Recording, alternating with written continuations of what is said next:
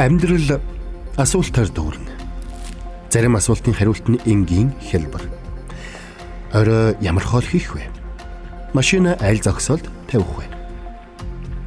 Гэтэл зарим асуулт биднийг сорхиц хүнд хэцүү байдаг. Миний амьдралын зорилго юу вэ? Амар тайвныг ханаас олох вэ? Би амьдралаа өөрчилж чадах уу? Эдгээрийн хариултыг та хайсаагүй хайсан байх ном хэвлэл, найз нөхдийн зөвлөгөө эсвэл шинэхэн философийн онол гэдэл. Харин Есүс таны асуултуудад хэрхэн хариулахыг сонирхож үзсэн үү?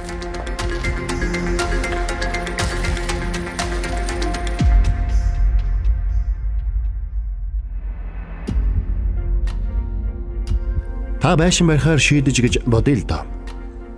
Байшингийнхаа зураг төслийг архитектороор зориулж сайхан байшин барихаар төлөвлөжээ. Харин байшингаа бариулахаар хөлсөлсөн хүн чинь тэр зураг төслийг ашиглахгүй бол байшингийн суураас эхлээд бүх зүйл таны төлөвлөснөр болохгүй. Эцэс сүлд нь тэр байшин таны хүссэн байшин болж чадахгүй. Амьдралд яг ийм зүйл болдог.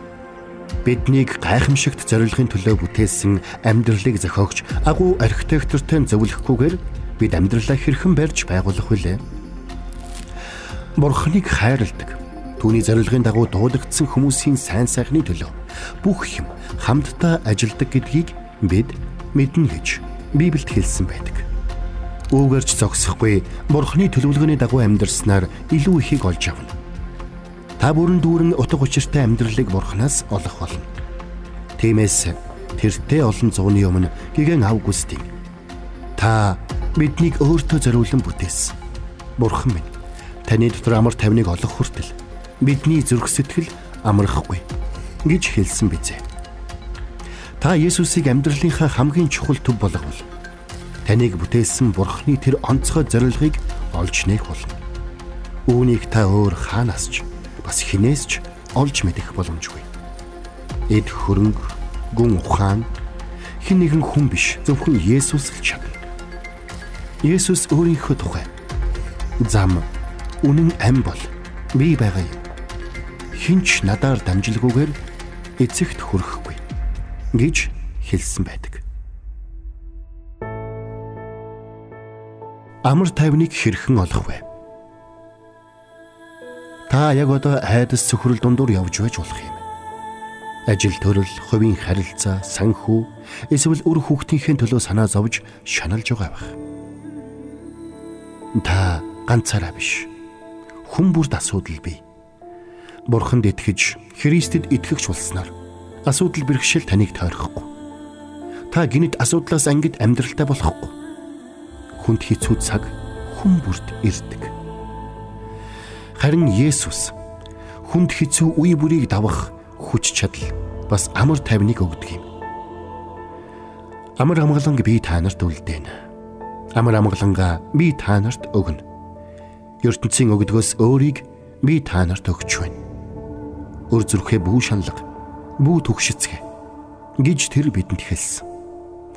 Мөн тэрээр Библиэд зөдөж зүтгэгсэд хийгээд хүнд ачаа үүрсэн бүгдээ надад дээр ир. Би та нарыг амраая гэсэн байдаг. Өнгөрсөнд гаргасан алдаагаа хэрхэн даван туулах вэ? Үннийг хэлэхэд бид бүгд алдаа гаргадаг. Бид бүгд худал хэлж, ажлынхаа эд зүйлсийг хулгайлж, хожим харамсах үгээр бусдыг шархлуулж, хов жив тарааж, бусдыг хараан зөвхөж болохгүй зүйлс хийдэг. Бид бүгд бүдүүлэг зан гаргаж, өөрийгөө бусдаас дээгүүр тавьж зөвхөн амиа л боддог. Энэ бүх буруу үйлдэл муухай зан ааш болон үгсийг Библиэд гим нүгэл гэж нэрлэдэг. Харин сүүлийн үед бид энэ үгийг сонсогч дургүй болжээ. Бид өөрсдийгөө сайн хүн гэж боддогч. Бусдын төлөө үйлдэл хийх нь ховор, гим нүгэл гэж үүнийг л хэлнэ шүү дээ. Өөрийн замыг хөөж өөрийнхөө төлөө явдаг. Хүн өөрийгөө хичнээн сайн гэж бодсон ч бурхантай харилцахад гим нүгэл тээг болсоор байдаг. Бурхны төгс стандартад тэнцэх хүн нэгэн ч үгүй бөгөөд Үүнээс болж Бурхны хайрыг хөвчлэн таньж мэдж чаддаггүй. Энэ этхэгийн агуу удирдагч Махатма Ганди Бурхан минь Миний амьдралын утга учир ор шумбын үндэс бөгөөд түүнээс алс хол байх нь надад байнгын тарчлал мэд. Миний бузар муу болон гим хор намайг түүнээс хол байлгадгийг би мэднэ гэж хэлсэн байдаг. Гэхдээ бидэнд сайн мэдээ бий. Есүс бидний гим нүглийн төлөөсийг төлсөн. 2000 жилийн өмнө Есүс загалмаа дээр амиа өгч бидний гим нүглийн шийтгэлийг үүрсэн юм. Ингэснээр бид бурхантай харилцаатай болж хайр инэрлийг нь хүртэх зам нээгдсэн юм. Есүсийн ачаар бидний бүтлгүйтэл гимнүгэл алдаа дутагдал уучлагдах боломжтой болсон юм. Зөвхөн бурхан бидний нүглийг уучлж шудраг ёсыг гүйцэлдүүлж чадна. Үүнийг жишээгээр тайлбарлаж болох юм. Нэгэн эмэгтэй хурд хэтрүүлсний торгуулийн хуудас авч шүүгчийн өмнө дуудагджээ шүүгч түүнд 150 долларын торгуул оногдуулах шийдвэр гаргалаа. Гэвч эмэгтэйд төлөх мөнгө байхгүйг мэдсэн шүүгч түүнийг ихэд өрөвдлөө. Тэгээд судлаасаа буун ирж эмэгтэйд торгуулаа төлөх мөнгийг нь өөрийн хитвчнээс гаргаж өгчээ. Шүүгчийн өвөөмөр бэлгийг хүлээж авах эсхэ харин тэр эмэгтэй л шийднэ. Бидний төлөө Есүсийн хийсэн зүйлийг энэ түүхтэд зөвөрлж болно гим нүглийг маань мэдэх агуу шүүгч Есүсийн өмнө даруугаар ирэхэд тэр бидний өрийг төлж өгөхийг хүсдэг. Тэр бидэнд энэрл хайрын бэлгээ өгөхийг хүсдэг. Бид бардам зангаа хайж Есүс дээр ирж уучлалыг нь хүлээн авах хэрэгтэй.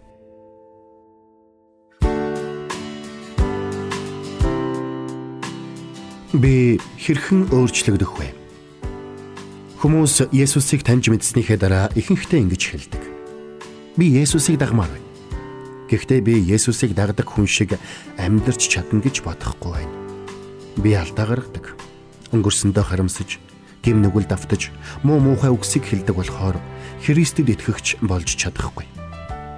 Үнэн дээр тэдний зөв. Та өөгүй сайн хүн байсан ч өөрийн хүчээр Христэд итгэгч шиг амьдрч чадахгүй та Христэд итгэгч болохоор шийдэж Есүсээс таны дотор орж ирэхийг гуйснаар цаашид таны юу хийж чадах нь чухал бос болно. Харин Есүсийн танд өгөх хүчээр та болон таны амьдрал өөрчлөгдөх болно. Зөвхөн Есүс танд амьдралаа өөрчлөх, шинээр эхлэх хүч чадал өгч чадна. Есүс таны төлөө юу хийж чадах вэ? Тэр таны амьдралд зориг бас утга учирыг өгнө. Тэр таны бүх гимнүглийг уучлалаараа угаан цэвэрлэж чадна. Тэр танд өөрчлөгдөх хүч чадал өгнө. Та Есүсийг амьдралынхаа төв болгосноор бидэнд Бурхны зориулсан хамгийн сайныг нь олж авах болно.